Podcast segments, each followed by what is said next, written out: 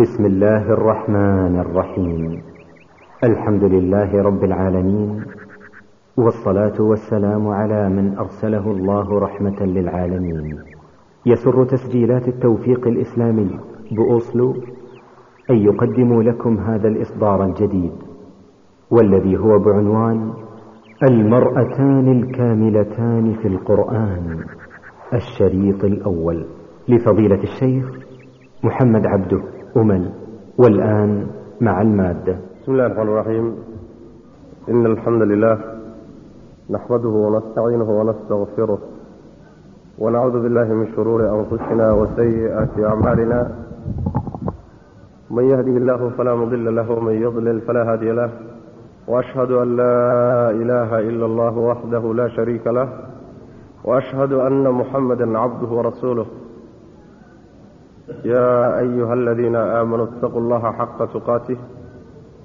ولا تموتن إلا وأنتم مسلمون يا أيها الناس اتقوا ربكم الذي خلقكم من نفس واحدة وخلق منها زوجها وبث منهما رجالا كثيرا ونساء واتقوا الله الذي تساءلون به والأرحام إن الله كان عليكم رقيبا يا أيها الذين آمنوا اتقوا الله وقولوا قولا سديدا يصلح لكم أعمالكم ويغفر لكم ذنوبكم ومن يطع الله ورسوله فقد فاز فوزا عظيما أما بعد فإن أصدق الحديث كتاب الله وخير الهدي هدي محمد صلى الله عليه وسلم وشر الأمور محدثاتها وكل محدثة بدعة وكل بدعة ضلالة وكل ضلالة في النار macaashir alakhawaat kelimadu waan jeclahay insha allahu tacaala inaan idiin dardaarmo waxay ku saabsan tahay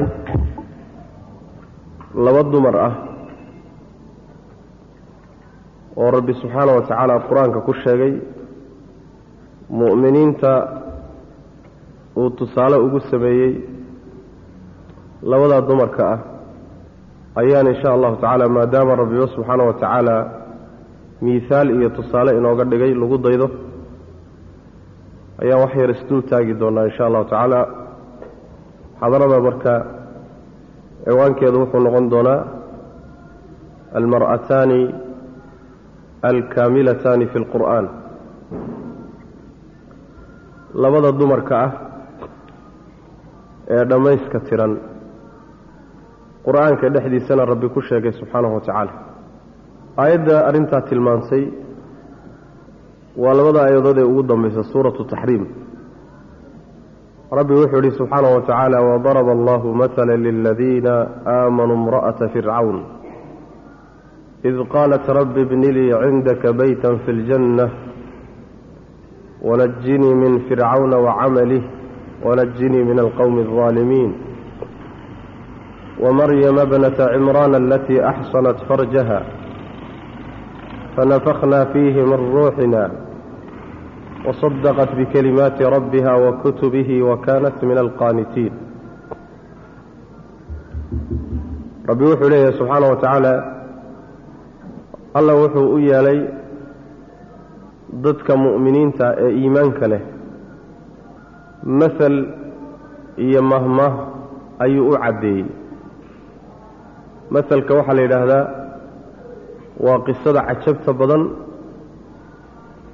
ee mudan in laisdul taago oo laga faa'iidaysto lagu cibro qaato. Maselka isagaa rabbi wuxuu inoogu cabbaynayaa laba dumar ah oo rabbi ammaanay subxaana wa tacaala. Rasuulkeennana salawaatu rabbi wasalaamu calayhi uu sheegay inay ka mid yihiin inay ka mid yihiin dumarka kuwooda dhammayska tiran. Waxaa ka sugan nebigu sal alla alay wasalam inuu yidhi kamula min alrijaali kaiir walam yakmul min annisaa'i ila halaaa buu nebi uri sal lay slm ragga in badan baa dhammaystirantay oo ragga waxaa ku jira rag badan oo dhammaystirmay baa ku jira. Laakiin dumarka saddex unbaa dhammaystirantay buu nebi uhi sal alay wasalam. Saddexdaasuu nebigu sheegay sal lay wasalam wuxuu yidhi nebigu sal lay wasalam khadiija wa aasiya imra'atu fircawn wa maryama bintu cimraan buu nebigu yidhi sal lay waslam saddexda dumarka ah ee dhammaystirmay wuxuu nebigu ku sheegay sal lla lay wasalam khadiija umu lmu'miniin xaaskii nebigeenna salawaatu rabbi wasalaamu calayh kana mid ahayd dadkii ugu horreeyey ee nebi moxamed rumeeyey salawaatu rabbi wasalaamu calayh qayb aada u muhimana ka soo qaadatay faafinta diinta islaamka iyo nebiga isgarabtaaggiisa salawaatu rabbi wasalaamu calayh rasuulkana salawaatu rabbi wasalaamu calayh carruurtiisii uu dhalay hal wiil a mooyaane inta kale u dhashay. Rabbina subxaanahu wa tacaala salaamta u soo dhiibay sida xadiidka saxiixulbukhaariga ku yaalla uu sheegayo. Malakuljibriil baa nebiga u yimi sal alla alay wasalam markaasaa wuxuu ku yidhi khadiijo waxaad gaadhsiisaa buu ku yidhi salaan. Rabbi ii soo dhiibay iyo mid aniga iga socoto gaadhsii khadiijo buu ku yidhi. Rabbi baa soo salaamay subxaana wa tacaala oo salaan u soo diray khadiija.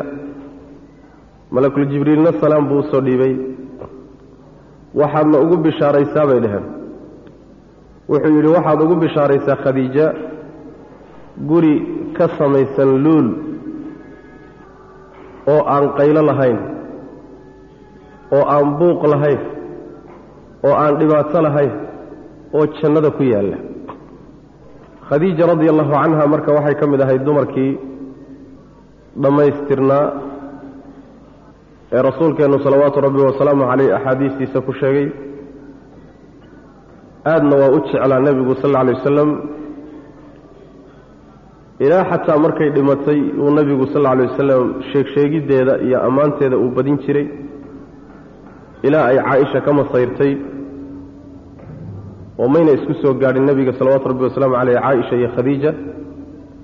Laakiin waxay ka masayrtay sheegidda uu nebigu sheegsheegay iyo ammaanta faraha badan bay ka masayrtay umu lmu'miniina caaisha radi allahu canha rasuulku marka sal alla alay wasalam aad buu u jeclaa khadiija. Runtii kaalin aada muhiim u ah bay dacwada islaamka iyo diinta faafinteeda ka istaagtay waad garanaysaa nebiga salawaatu rabbi wasalaamu calayh. Maalintii ugu horreysay markuu malakul jibriil u yimid oo intuu cunaha qabtay uu ku yidhi akhri. Ee uu yidhi waxba ma akhrin karo. Mid wax akhriya ma ihi. Ee haddana uu cunaha qabtoo ceejiyo ku yidhi akhri. Waxba ma akhrin naqaano buu yidhi. Wuu ku celiyo akhri buu ku yidhi. Iqra' bismi rabbika aladii khalaq khalaqa alinsaana min calaq iqra' warabuka alakram aladii callama bilqalam callama alinsaana maa lam yaclam aayadahaasuu markan malakuljibriil nebiga u keenay sal alay wasalam rasuulku sal alay wasalam wuxuu aqoon jiray ma ahe wuu baqay wuxuu aqoon jiray ma ah wax lama filaanay ku noqotay isagoo argagaxsan ayuu nebigu sal alay wasalam soo cararay khadiija ayuu u yimid xaaskiisii khadiija way dejisay nebiga sal alay wasalam nebigu uu naftiisa u baqay uu isu cabsaday waxay ku tidhi khadiija kolley iyo kolleyba ilaahay subxaana wa tacaala meel xun ku dhigi maayo. Maxaa yeelay wanaag badan baad samaysaa. Martidaad marti soortaa qaraabadaad xidhiidhisaa. Midkaan waxba haysanin baad wax tartaa.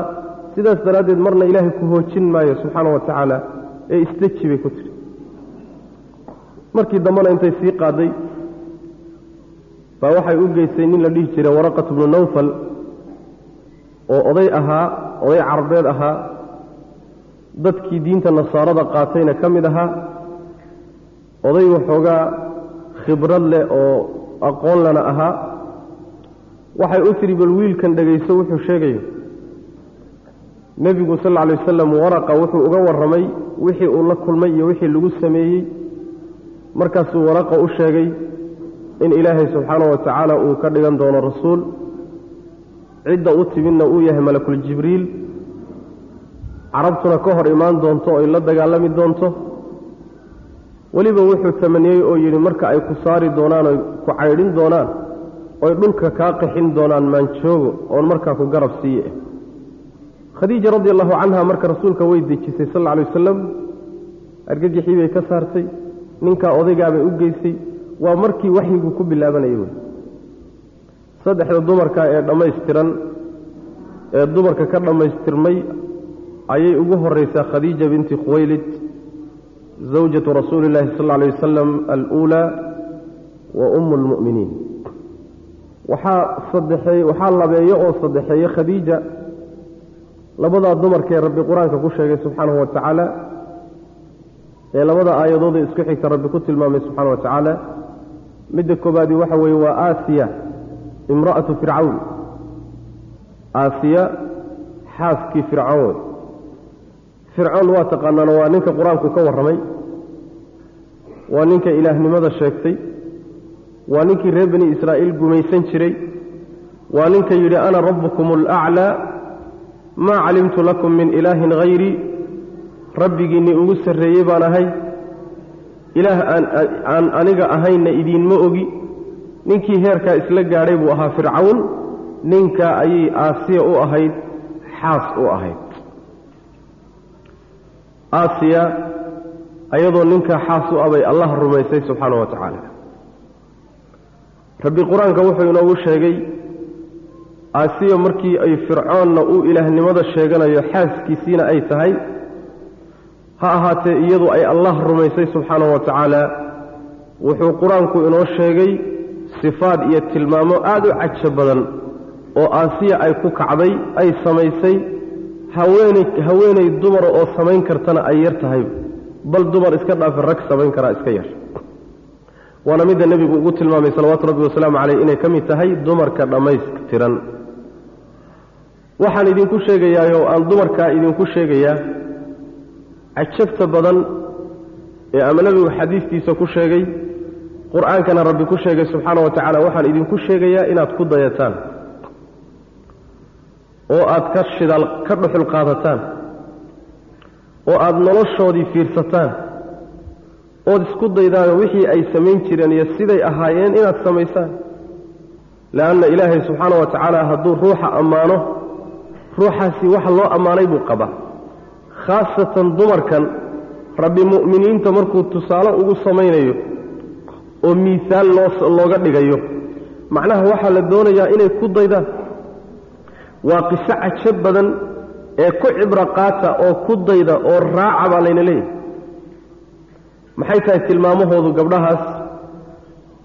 Rabbi wuxuu yidhi subxaana wa tacaala wadaraba allahu maala liladiina aamanuu imra'ata fircawn id qaalat rabbi bni lii cindaka beytan fi ljanna tilmaanteeda koobaadee rabbi ku ammaanay waxa weeye waxay tidhi rabbiyow agtaada jannada dhexdeeda guri iiga dhis ibni lii cindaka beytan fi ljanna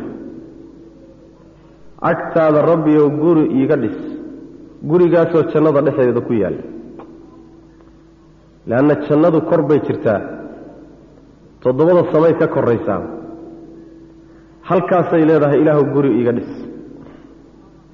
waxaan halkaa ka fahmaynaa aasiya haweenaydii fircawn waxaa ku jiray qalbigeeda yaqiin aan caadi ahayn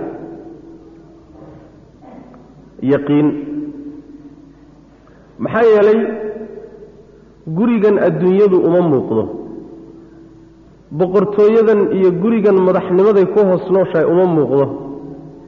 Waxaase u muuqda guri ilaahay agtiisa ku yaalloo jannada dhexdeeda ku yaalla. Guri alle agtiisa oo jannada dhexdeeda ku yaalla ayaa u muuqda. Aasiya imra'atu fircawn. Rabbi subxaana wa tacaala wax kale mayna weydiisanin. Rabbi ow carruur isii mayna dhihin rabbi ow xoolo isiina mayna dhihin. Rabbi ow caafimaad isii mayna dhihin. Waxyaabaha ilaahay mayna weydiisanin rabbigeed waxay weydiisatay shay la weydiisto ka ugu qaalisan oo ah ilaahayow agtaada guri iiga dhis gurigaasoo jannada ku yaalla. Waa tilmaan aada u qiimo badan wey waana mabda aada u sarreeyo wey waana niyad aada u sarraysa wey waana yaqiin aan caadi ahayn. Dumarka muslimaadka ahee jooga ee allah rumaysan subxaanahu wa tacaala ayaa laga doonayaa in ay tusaale ka dhigtaan oy ku daydaan. Oo hadday ilaahay baryayaan iyo hadday shaqaysanayaan iyo hadday wakhti bixinayaan in ay taargetkoodu noqdo iyo ujeeddadoodu jannada inay guryaha ku yaalla wax ka helaan ilaahay agtiisa jannada dhexeeda in guryo looga dhiso. Mabda'aasaa la doonayaa inaynu mabda'aasaa layna baraya yaqiinteedu marka ay aakharo rumaysan tahay ay geerida rumaysan tahay ay qabriga rumaysan tahay ay qiyaamada rumaysan tahay ay jannada iyo naarta rumaysan tahay meeshaasay ka muuqataa. Waa meesha dumarkeenna maanta joogaayey ay ku mashquulsan yihiin guriga adduunyada inay dhisaan oo ay naashnaashaan oo ay qurxiyaan oy daahyo ku xidhaan oo ay alaab qaaliya dhigtaan oo gogol qaaliya soo iibsadaan oo sannadkiiba mar gogosha iska beddelaan. Shaqadooda dhanba meesha ay ka tahay guri adduunyo inay qurqurxiyaan. Dumarkaa ilaahay subxaana wa tacaala uu inoo sheegay inaan ku dayannana ay tahay ayagu xaggaa maynan ahayn. Dhankaa mayna u jeedina dhinac kale u jeedeen ibni lii cindaka baytan fi ljanna allow agtaada guri iiga dhis. Gurigaasoo jannada dhexeeda ku yaalla haweenaydii caqli leh oo garasho leh oo diin leh oo iimaan leh oo yaqiin leh waa inay taargetkeedu uu noqdo allah agtiisa subxaana wa tacaala ha ku fadeexoobin cadaabna ha gelin janno ilaahay subxaana wa tacaala raadso halkaa waa inuu qalbigaagu u bato iyo niyadaadu. Waa qodob muhiim ah wey qodobka labaad ee laga fahmayo hadalka rabbi subxaana wa tacaala inooga sheegay aasiya imra'atu fircawn waxa uu yahay buqdu alkaafir wa camalihi wa buqdu aldaalimiin waxaa ka muuqda aasiya inay nacday oy karaahaysatay oy dhibsanaysay gaalka iyo camalkiisa gaalka iyo dhaqankiisa gaalka iyo caqiidadiisa waata rabbi weydiisatay subxaana wa tacaala wanajinii min fircawna wa camalih allow waxaad iga badbaadisaa ood iga samato bixisaa fircawn iyo camalkiisa waa ninkeedii wey. Fircawn iyo dhaqan xumadiisa waa ninkii ilaahnimada sheeganaya wey. Waa ninkii inuu ilaahyada ugu sarreeyo sheeganayo wey. Waa ninkii sheeganaya inaan laga sarraynin. Ninkii nooca ahaa bay leedahay ilaahow camalkiisa xun caqiidadiisa xun macaasidiisa dunuubtiisa ilaahow iga badbaadi. Weliba intaa keliya maydhan isaga iyo camalkiisay tiri isaga iyo camalkiisa. Meesha waxaad ka qaadanaysaa mar labaad oo ay ku tusaysaa sida ay u nacday kufriga macaasida dunuubta siday u nacday. Ruuxa mu'minka ana inuu dunuubta iyo macaasida naco waxay ku tusaysaa inuu iimaankiisu xoog badan yahay. Saas daraaddeed baa nebigeennu sal alla lay wasalam xadiidka saxiixulbukhaariga ku yaalla min xadiidi anas. Wuxuu nebigu yidhi sal alay wasalam halaaثun man kuna fiihi wajada bihina xalaawata aliimaan saddex arrimood ruuxii dhexdiisa laga helo oo saddex arrimood ku tilmaanaada saddexdaa arrimood dartood wuxuu ku helaa iimaanka macaankiisa macayihin saddexdaa arrimood an yakuuna allahu warasuuluhu axabba ilayhi mima siwaahuma waa inuu allah iyo rasuulkiisa ka jeclaado wixii labadooda ka soo hadhay naftaada xoolahaaga carruurtaada adduunyadaada wixii labadaa ka soo hadhay oo dhan waa inayna agtaada qiimo weyn ku lahayn. Allah iyo rasuulkiisa jacaylkooda waa inaad hormariso. Wa an yuxiba almar'a laa yuxibuhu ila lilah qodobka labaadi waxa weeye inuu jeclaado cid kastoo uu jeclaanayo alla dartii inuu u jeclaado allah subxaana wa tacaala jacaylka aad jeceshahay baa wuxuu isku kiin xidhayaa adiga iyo addoommada. Ruuxaad jeclaanaysa waa ruuxaad ilaahay dartii u jeclaanayso. Ruuxaad la saaxiibayso waa ruuxaad ilaahay dartii ula saaxiibayso. Ruuxa aad booqanayso waa ruuxaad ilaahay dartii u booqanayso. Ruuxaad wax tarayso waad ruuxaad ilaahay dartii wax u tarayso. Ilaahay dartii baa ku dhaqaajisa ilaahay dartii baa macnaa waxa weeyaan ilaahay dartii baad wax kasta u samaysa qodobka ujeeddadeennu ay tahay oo ugu dambeeya xadiidka waxa weeye wa an yakraha an yacuuda fi lkufri kamaa yakrahu an yuqdafa fi nnaar. Ruuxu waa inuu karaahaysto oo uu naco gaalnimo inuu ku noqdo oo gaal noqdo.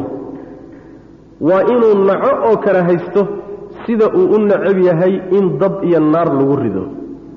Sidaasi la mid ah waa inuu mabaadi'da kufriga macaasida gaalnimada jaahiliyada waa inuu nifaaqa waa inuu naco.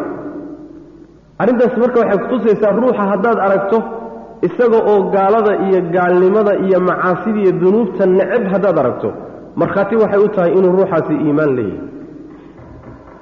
Wanajinii min fircawna wa camalih fircoon camalkiisu muxuu ahaa? Gaalnimuu ahaa.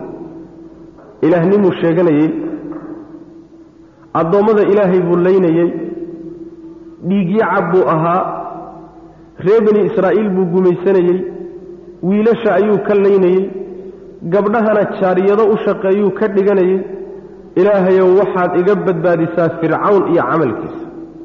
Waa ninkeediibay ka beri noqonaysaa dhaqan xumadiisa iyo gaalnimadiisay ka beri noqonaysaa. Xataa ninkaagiiba ha ahaado.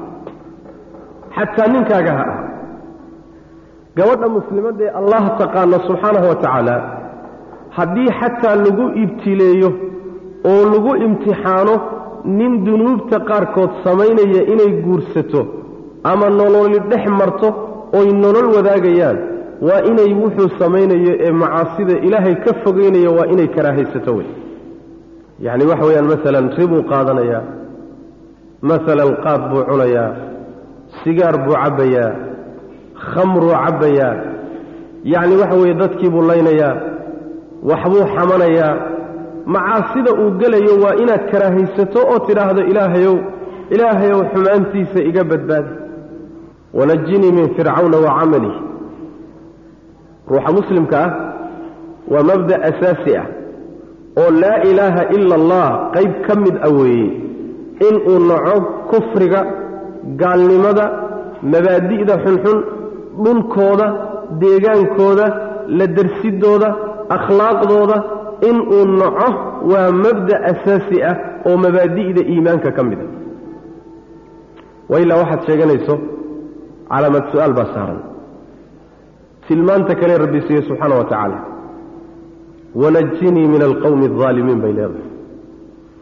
Ilaahu waxaad iga badbaadisaa daalimiinta qowmka daalimiinta iga badbaadi qowmka daalimiintii waa fircoon iyo dowladdiisii. Iyo in kasta oo xumaantii uu waday ku garab siinaysay nin kasta oo dembiile ah waa daalim dulmigana shirki baa u weyn. Siduu rabbi qur'aanka ku sheegay subxaana wa tacaala ina ashirka la dulmun cadiim. Macaasida oo dhanna dulmi waa la yidhaahdaa. Marka daalimiinta ilaahayow iga badbaadi bay leedahay dadka daalimiinta iyo qowmka daalimiinta gabadhaa waxaa ka muuqda walaalayaal hadalladeeda qiimaha badan waxaa ka muuqda iyo ducadeeda inay ku tilmaanayd tilmaanta loo yaqaano iithaaru alaakhirati cala addunya aakharo ayaa agteeda ku weynayd oo ay ka hormarisay adduunyada. Waxaana ku tusaya waxay ku noolayd fircawn oo addoommada u talinayey oo ilaahnimo sheegtay oo madaxweyne ah oo adduunya gacantiisa ku jirto aakhara waxay noqotoba ayay gurigiisa ku noolaydoo xaaskiisa ahayd. Naagtu hadduu nin madaxweynaha uu qabo ama nin boqora uu qabo iyaduna waa madaxweynad. Taqriiban madaxweynad bay ahayd. Ayadoo madaxweynehoo macnaha waxa weeyaan madax ah oo guriga sidaa u yaallee fircoon gurigiisii ka soo toostoo xaaskiisii ah ayay haddana u dhadhami weyday noloshaasi u dhadhami weyday noloshaasi waa u dhadhami weyday limaada? Lianna ruuxa haddii ilaahay qalbigiisa iimaan geliyo adduunyadu qiimo agtiisa kama yeelato. Zuhdi. Kufri iyo gaalnimo iyo fircoon hoostiisa inay ku noolaato waxay ka door biday inay rabbi subxaanahu wa tacaala u go'do. Ha la dilo. Waxay u badheedhay khatar weyn bay u badheedhay khatar halis ah bay u badheedhay maxaa yeelay naagta ninkaasi ilaahnimada sheeganaya uu qabo. Ee haddana isla soo taagtay war fircoonow waxaad wadata waa khaldanta. Ee fircoon iyo wuxuu watay nacday. Dhib intee leeg baa loo geysanayaa idinla ta waa ninkii ku lahaa nimankii saaxiriinta ahaa ee wax sixri jiray ee culimmadiisa ahaa markay ka tageen oo ilaahay rumeeyeen waa kii u hanjabayey ee lahaa wala usallibannakum fii juduuci الnakli lauqaطicanna aydiyakum waarjulakum min khilaaf wala usallibannakum fii juduuci الnakli walla inaan lugihiinna iyo gacmihiinna si isdhaafa u goyn geedka timirta ah salkiisana aan idinku deldeliyoon idinku xidhi waa ninkii nooca lahaw waa ninka ciqaabtiisa rabbi ku tilmaamay subxaana wa tacaala wa fircawna dil awtaad nin habaar qabo oo wuxuu ahaa gaal ah oo haddana naxariis aan lahayn oo addoommada u ciqaabay ciqaab aan caadi ahayn mariya ninkii nooca ahaabay iyadoo dumar ah yay isa soo taagto waxay tidhi ilaahayoo fircoon iyo qashinkiisa iyo camalkiisan xun ilaahu iga badbaadi. Bal iimaankeedu intuu la egyahay fiiri. Iimaankeedu intuu la egyahay fiiri adduunyo ayay nacday aakharay rabtaa midda layna barayee rabbigeen ina barayo subxaana wa tacaala middaa wey. Midda qur'aanku in badan uu inoogu celcelinayo middaa iyadaa weye adduunyadu wax qiimo a ma leh. Maa cindakum yanfad wamaa cinda allaahi baaq. Waxa agtiinna yaalleed haysataan waa wax dhammaanaya. Laakiin waxaan dhammaanaynin waxa ilaahay agtiisa yaalla. Waxa agtiinna yaalla waa guryaha waxa agtiinna yaalla waa carruurta. Waxa agtiinna yaalla waa xoolaha waxa agtiinna yaalla waa quruxda waxa agtiinna yaalla waa wax kastoo naftiinnu ay doonayso. Waxyaabahan agtiinna yaalle idinla yaalleed jeceshihiini waa wax dhammaanayoo tegaya wey. Wax joogaya ma ah ama wuu idinka tegi ama idinkaa ka tegi. Laakiin allah agtiisa waxaa yaalla waxaan dhammaanayn jannada iyo guryaheedu ma dhammaadaan. Jannada iyo cuntadeedu ma dhammaadaan. Jannada iyo ma dhammaadaan. Cabbitaankeedu ma dhammaado jannada iyo webiyaasheedu ma dhammaadaan jannada iyo barwaaqada taallaayo ma dhammaato jannada lagamana dhinto lagamana safro lagamana wareego lagumana dhibaatoodo lagumana oomo lagumana gaajoodo lagumana yacni waxa way xanuunsado cudur kugu dhici maayo. War meeshaasaa laynoo wadaayoo rabbi inala doonayaa subxaana wa tacaala.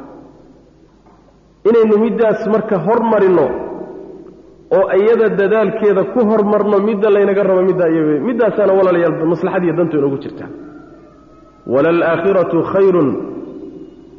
Aakhare ayaa khayr badan oo adduunyadan dhaanta.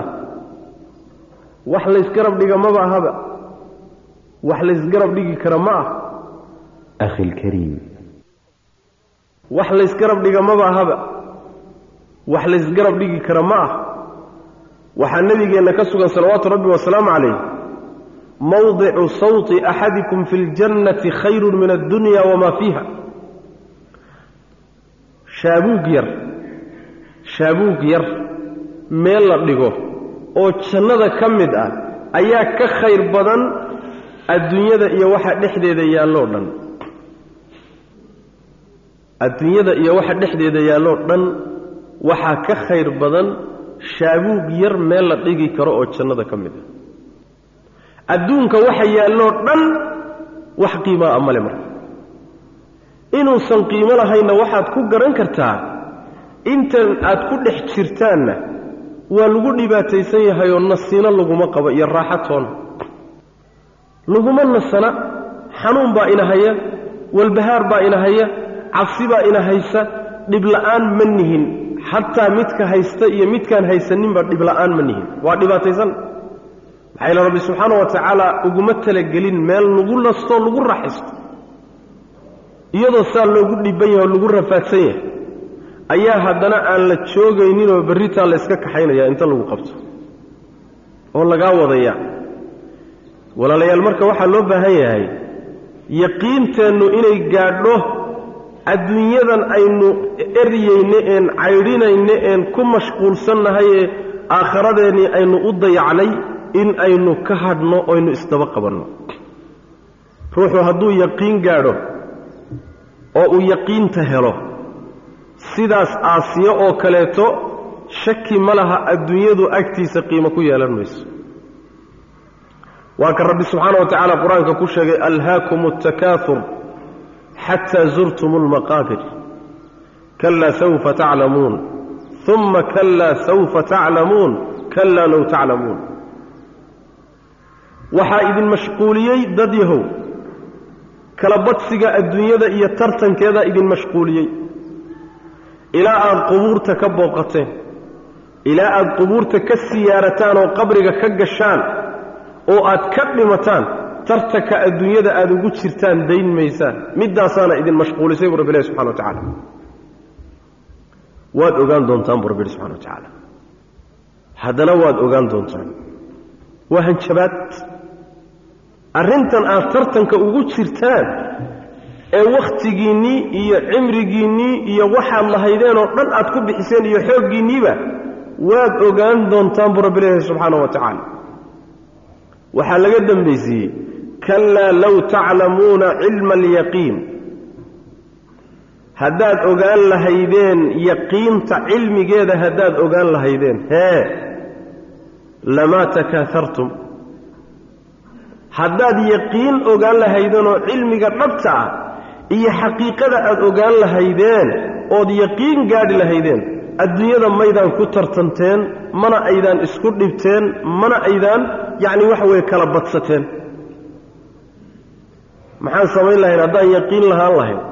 Sidaas aasiyo oo kaleeto ayaa waxaan dhihi lahayn rabbi bnilii cindaka baytan fi ljannati wanajinii min fircawna wacamalii wanajinii min alqowmi aldaalimiin sideedaasoo kaleetaan janno inoo muuqan lahayn. Barwaaqada jannaa uu inoo muuqan lahayn. Iyadaasaan higsan lahayn. Ayadaasaan raadin lahayn. Ayadaasaan ku dadaali lahayn adduunyadan iyo dhaldhalaalkeedana waan iska fududayn lahayn laakiin yaqiin la'aan baa ina haysa. Kalaa low taclamuuna cilma alyaqiin. Ruuxu hadduu yaqiinta gaadho oo uu yaqiinta helo yaqiintu waa iimaanka qaybihiisa ugu sarreeyo yaqiinta hadduu gaadho waxanoo dhan adduunyadaa qiimo la yeelan mayso.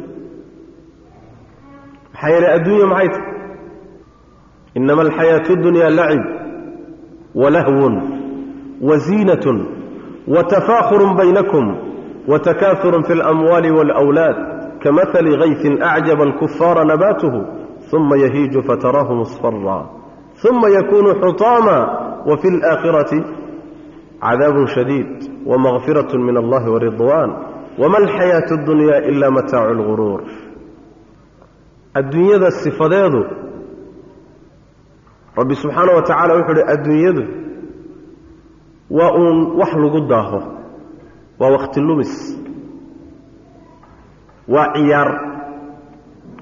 Waa uun xoolo iyo carruur la kala badsanayo. Waxay la mid tahay sidii roog da'ay oo nabaadkii soo saaray ay la yaabeen beeralaydii kadibna maalmo kadib nabaadkii quruxsanaa iyo dooggii soo baxaya beerihii ay isbeddeleen oo kaceen oo ingegeen. Markaasaa waxaad arkaysaa dooggii shalay soo baxay ee qoyanaa ee dhalaalahayee ubaxa lahaa oo maanta midabkiisii intuu isbedelay isu beddelay jaalle isu beddelay. Kadibna wuxuuba noqonayaa burbur buu noqonayaa. Carraduuba ku darmanayaa marka dambe. Adduunyada sifadeedu waa sida. Alla agtiisa dembi dhaaf baa yaalla. Cadaab adagna waa yaallaa agtiisa dembi dhaaf iyo rido iyo naxariis baa yaalla cadaab adagna waa yaallaa ee labadaa kala doorta walaalayaal marka adduunya waxay qiimo leedahay ma jiro iyadaana ina qaadatay oo wakhtigeennii qaadatay oo caqligeennii qaadatay oo dhagaheennii iyo indhaheennii qaadatay oo inala tagtay. In yaroo ilaahay u naxariista mooye subxaana wa tacaala waa laynaga kari la'yahay gabadhaa marka qiimaha badan ee rabbi inoo sheegay subxaana wa tacaala dumarow ku tusaale qaata oo waxaan aad ku mashquulshan tihiin sidan si ku badasha yacni waxaad ka dhammaan la'dihiin oo dumarku maanta ka dhammaan la'yihiin. Ama guri la hagaajiyo waxaan ka wadaa guri naashnaashkiisa iyo qurqurxintiisa ayada lafteeda isqurqurxinteeda iyo dahabi xidhashadeeda iyo dhar cusub xidhashadeeda waxaa laga dhammaan la'yahay aynu ka dhammaan la'nahay ilmo koris. Waa inta inoogu roon ilmaha in la koriyo waa loo baahan yahay. In laysqurxiyana ilaahay waa inoo oggolaaday subxaana wa tacaala. Guryaheenna inaan hagaajisanona waa laynoo oggolaaday laakiin macnuhu ma aha shaqadiinnu intaa uun ha noqoto. Intaa uun shaqo ka dhigta macnuhu ma aha. Waxa weeyaan degmadani waa degmo aynu maalmo deganaanayno waa habeen dhax kadibna waynu ka guuri doonnaa degmadii iyo gurigii rasmiga ahabaa inaga horreeya maxaa meeshaa idiin yaalla ood ku diyaarsateen maxaa degmada aakhara kuu yaalla? Guriga aakhara maxaad gashatay? Waa adiga guriga adduunye uun ka fikiraya? Aad bay walaalayaal nasiib xumo u tahay. Sidaas daraaddeed baa dumarkii intooda badan waxay baaqi ku yihiin jahli iyo aqoon dar wakhtigii ay ku bixin lahaayeen inay ilaahay diintiisa bartaan subxana wa tacaala. In ay qur'aanka bartaan sunnada nebiga bartaan qaabkay u dahaaro qaadan lahaayeen bartaan qaabkay u weysaysan lahaayeen bartaan qaabkay u qabaysan lahaayeen bartaan qaabkay u tukan lahaayeen bartaan qaabkay u soomi lahaayeen bartaan qaabkay u xajin lahaayeen oo u cumraysan lahaayeen bartaan waxaasoo dhan waxaa ka mashquuliyey iyagaa isku mashquulsan ama guri bay ku mashquulsan yihiin ama naftooday ku mashquulsan yihiin. In badanoo ka mida waxaabaad moodaaba aakharaba inaynan jadwalka ugu jirin. Aakharaba inaysan jadwalka ugu jirin baad mooddaa walaalayaal marka arrintaa iyada ha la bedelo oo waad aragtaanoo shalayna kuwaad aasteen. Berritana kuwaad aasi doontaan. Idinkana waa laydin aasi doonaa. Godkaa xunkaa ee cidhiidhiga ee idinka horreeya wixii aad ku badbaadi lahaydeen isaga hormariya.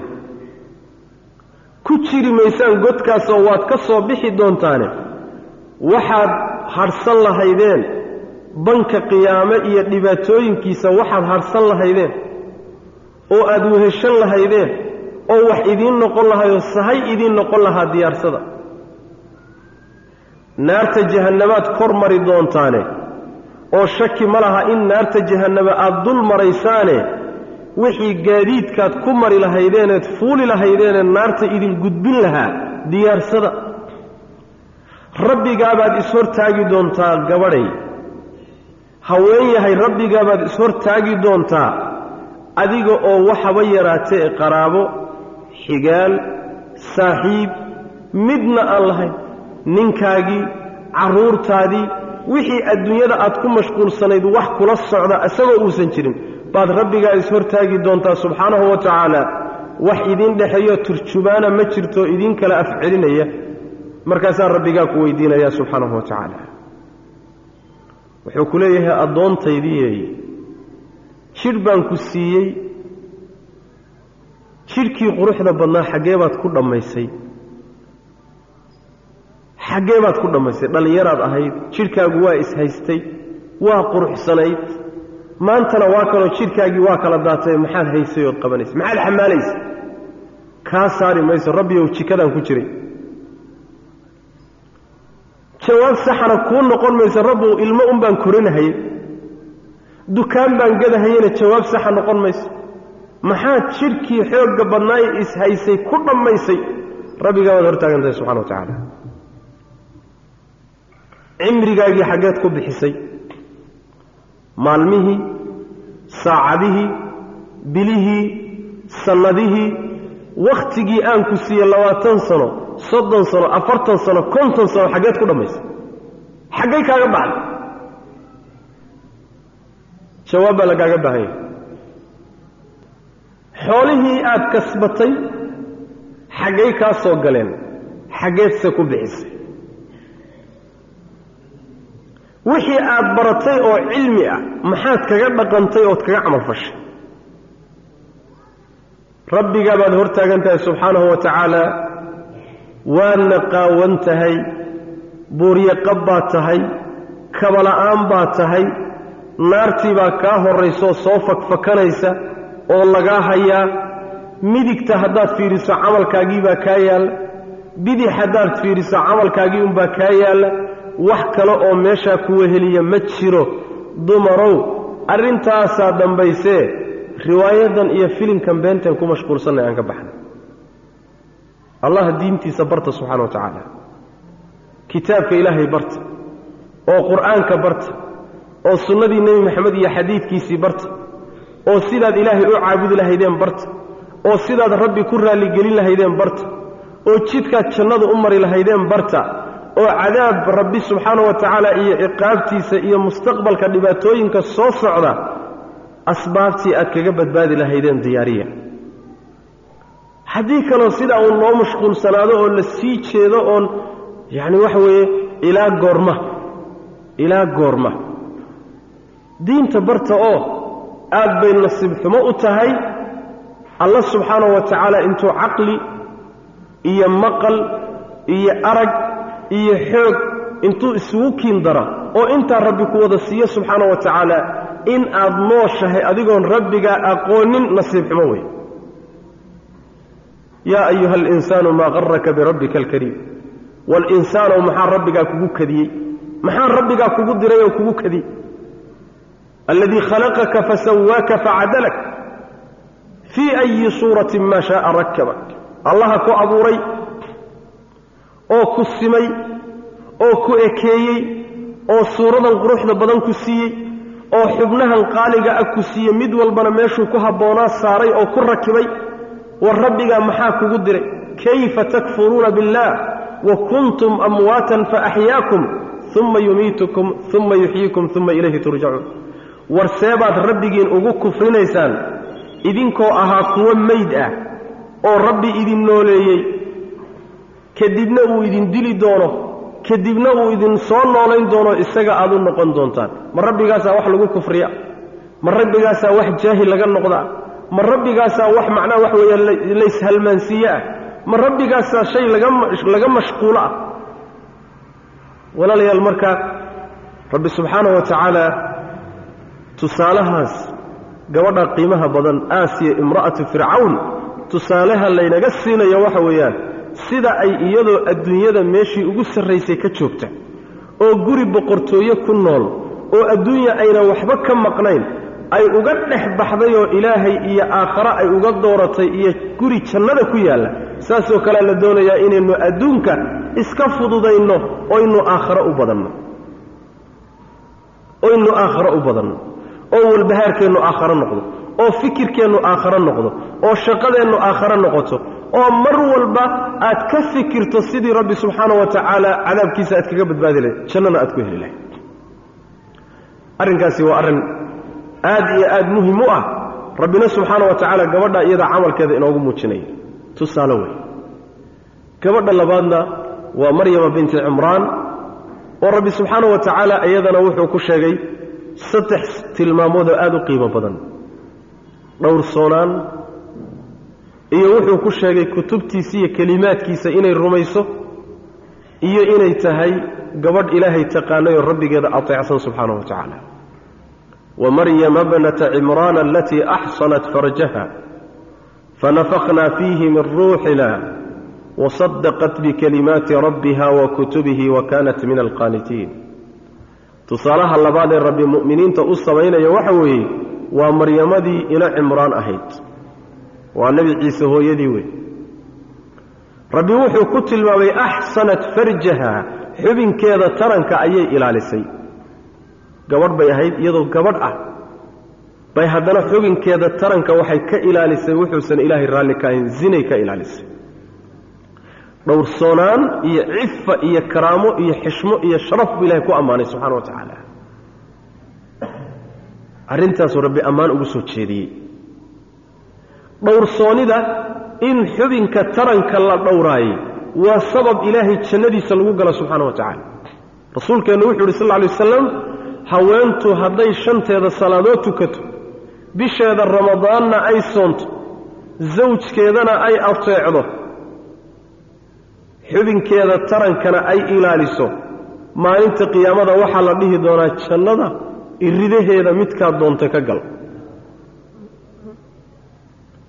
xubinka taranka ilaalintiisa waxay ku xidhan tahay inaad indhaha ka laabtaan wuxuusan ilaahay subxaanahu wa tacaala rabin. Waqul lilmu'minaati yaqdudna min absaarihinna wayaxfadna furuujahunna. Ishu iyada ayaa sahan ah oo zinada iyo xumaanta ayadaa sahan u ah oo iyada ayaa sababta keenta ah. Isha inaad xaaraamta ka laabtaan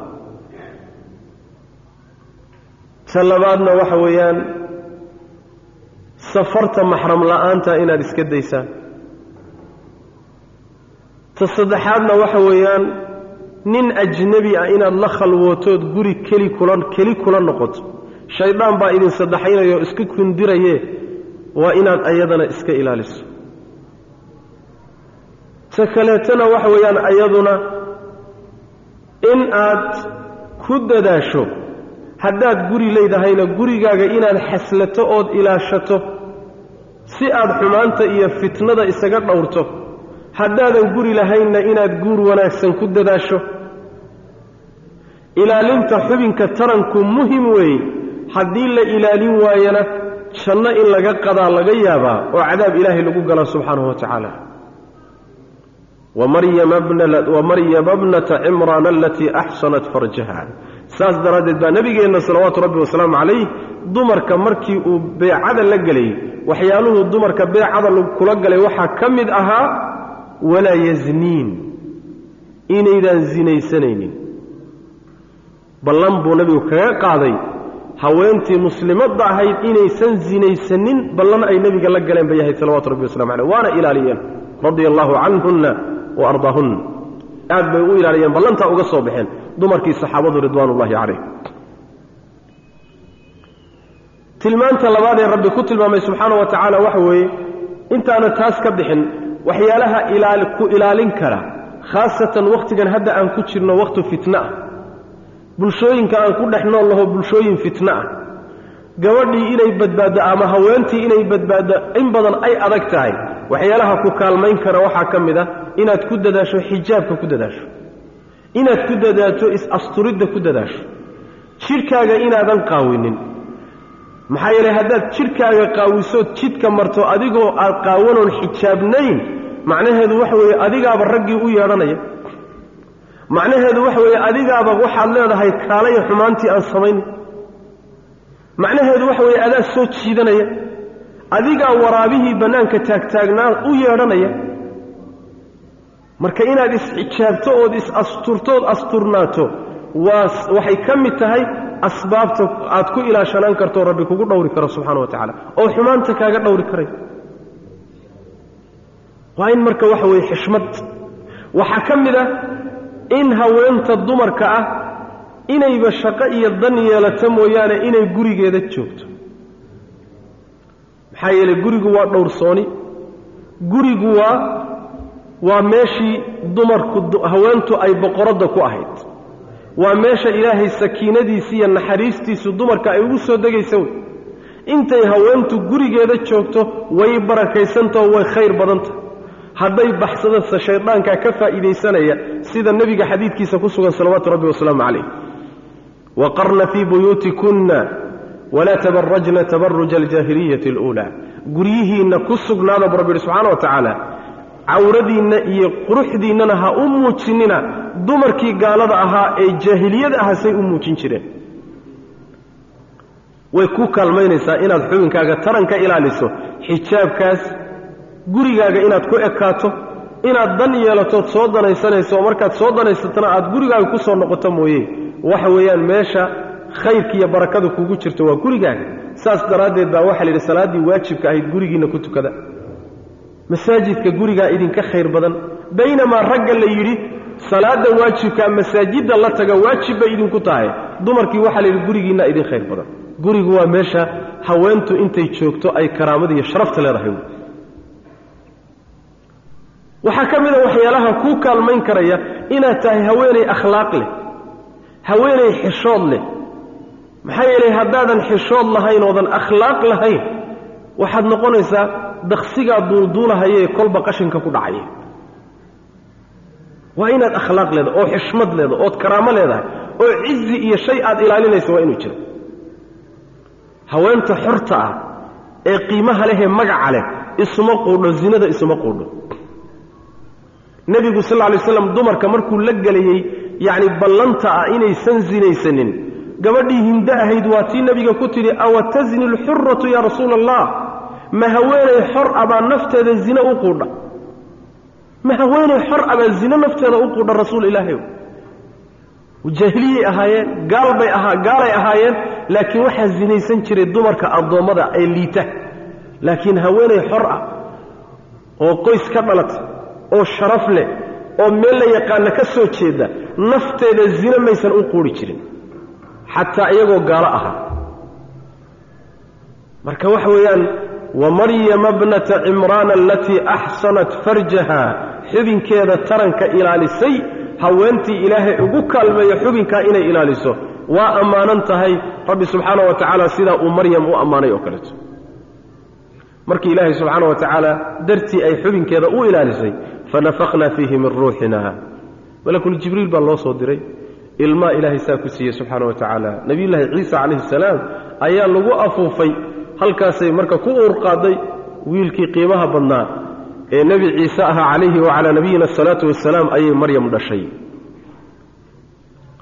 Qodobka labaad waxa weeyaan wasadaqat bikalimaati rabbiha wa kutubih ilaahay ereyooyinkiisa iyo kutubtuu soo dejiyeyna way rumaysay. Sidiiqad bay ahayd. Sidiiqad sidiiqnimada waxaa la yidhaahdaa waa darajada ku xigta nebinimada. Rusushaa u sarreeya nebinimadaa ku xigta darajada soo raacdaa waa sidiiqnimada sidiiqad bay ahayd darajo sare ayay ku jirta maryama binti cimraan. Sidaas daraaddeed baa rabbi subxaana wa tacala qur'aanka wuxuu ku yidhi wa ummuhu sidiiqa ciise hooyadii waxay ahayd sidiiqad bay ahayd oo waxay rumaysay wax kasta oo in la rumeeye ay ahayd ayay waxay u rumaysay si aan shaki ku jirin waxyaabahay rumaysay waxaa ka mid a ilaahay kelimaadkiisa iyo kutubtiisii bay rumaysay. Kutubta loo baahan yahay dumarka muslimaadkaa inay maanta rumeeyaan waa kutubta ilaahay soo dejiyey ee uu ugu dambeeyey kitaabkii nebi maxamed lagu soo dejiyey salawatu rabbi wasalaamu calayh. Rumaynta aad rumaynaysana waxaa laga wadaa inaad rumaysay inuu yahay xaq xagga ilaahay ka soo degay. Xaq xagga ilaahay ka soo degay oon shaki ku jirin isagaasi inuu yahay midka loo baahan yahay inaynu nolosha ka qaadanno barashadiisa inaynu ku dadaalno ku dhaqankiisa inaynu ku dadaalno agteenna inuu qiimo ka lahaado oo aad u weynaado. Wasadaqat bikalimaati rabbiha wa kutubihi wa kaanat min alqaanitiin. Qodobka ugu dambeeyey rabbi ku tilmaamay waxay ahayd wa kaanat min alqaanitiina waxay ahayd maryam mid rabbigeed ateecda bay ahayd. Kuwa alla ateeca mid ka miday ahayd.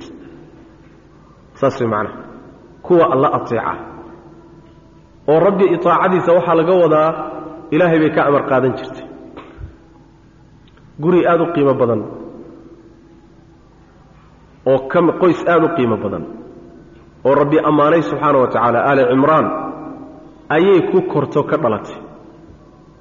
Waxaana kafaalo qaaday oo koriyey nebiyullaahi zakariya calayhi wacalaa nabiyina asalaatu wassalaam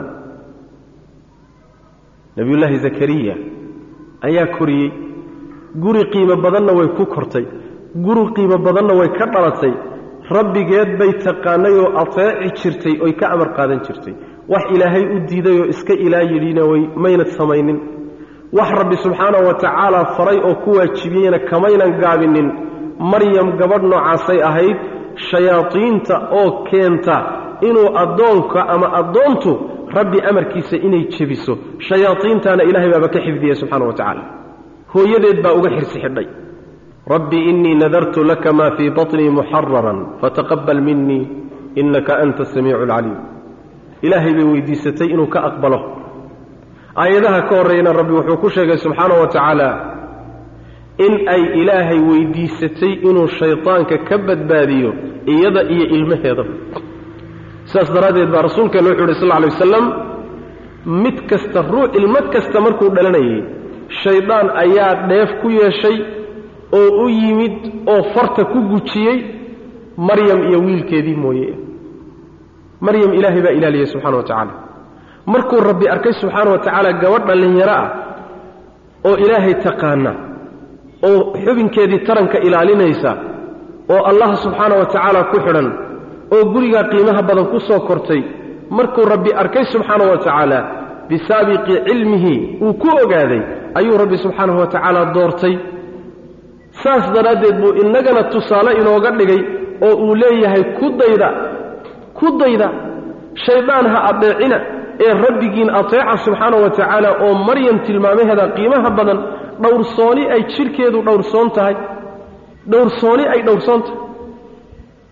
Saas daraaddeed malkul jibriil markuu u yimid ilaahay bay ka magan gashaa iyadoon garanaynin nin buu isu soo ekaysiiyey innii acuudu biaraxmaani minka in kunta taqiyan bay ku tiri. Haddaad alla ka baqaysa ilahay baan magan kaaga ahaya niyahow idaa ilaahay subxaanahu wa tacaala bay taqaanay. Dhowrsooni jidhkeeda way dhowrtay xumaanoo dhan bay ka dhowrtay alle kutubtuu soo dejiyey kelimaadkiisiina way rumaysay oo way raacday. Rabbigeed bay ateecsanayd oo ka amar qaadan jirtay xumaan rabbi ka reebayna way iska ilaalin jirtay. Tilmaamahaasuu iyadana rabbi ku tilmaamay ee labadaa dumarka ah ku dayda oo dhaqankaa wanaagsanee ilaahay ku sheegay raaca oo dumarow waxaad samaysaan tusaaleed intuu inoo noqon lahaa waxaan ilaahay aqoonin oynu nolosha ka qaadan lahayn. Dumarkaa qiimaha badanee rabbi qur'aanka ku ammaanay qisooyinkooda laynoo sheegay iyaga aynu ku dayanno rasuulkeennuna inoo sheegay salawaatu rabbi wasalaamu caleyh inay ahaayeen dumar dhammaystiran. Dumar dhammaystiran inay ahaayeen. Wanaaggaas qaata oo khayrka ku dadaala oo xumaanta ka fogaada oo dugsiyada iyo imaadda meelaha diinta lagu baranayo imaadda oo rabbi subxaanahu wa tacaala waa idinla xisaabtami doonaaye nolosha dambe ee soo socota sidii aydaan ugu fadeexoobi lahayn ha laysu diyaariyo allana ha laga baqo subxaana wa tacaala. Intaas ayaan ku soo gaabinaynaa kelimadii iyo muxaadaradii ciwaankeedu uu ahaa almar'ataani alkaamilataani fi lqur'aani alkariim hada wabillahi towfiiq wsali allahuma wslm cala nabiyina muxamedi wcala alihi wasaxbi waslem